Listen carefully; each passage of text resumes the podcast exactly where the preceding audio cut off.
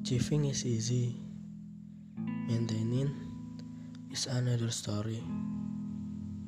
Gue tahu kita mengalami hubungan dengan tidak baik. Tapi gue percaya setiap orang punya kesempatan kedua.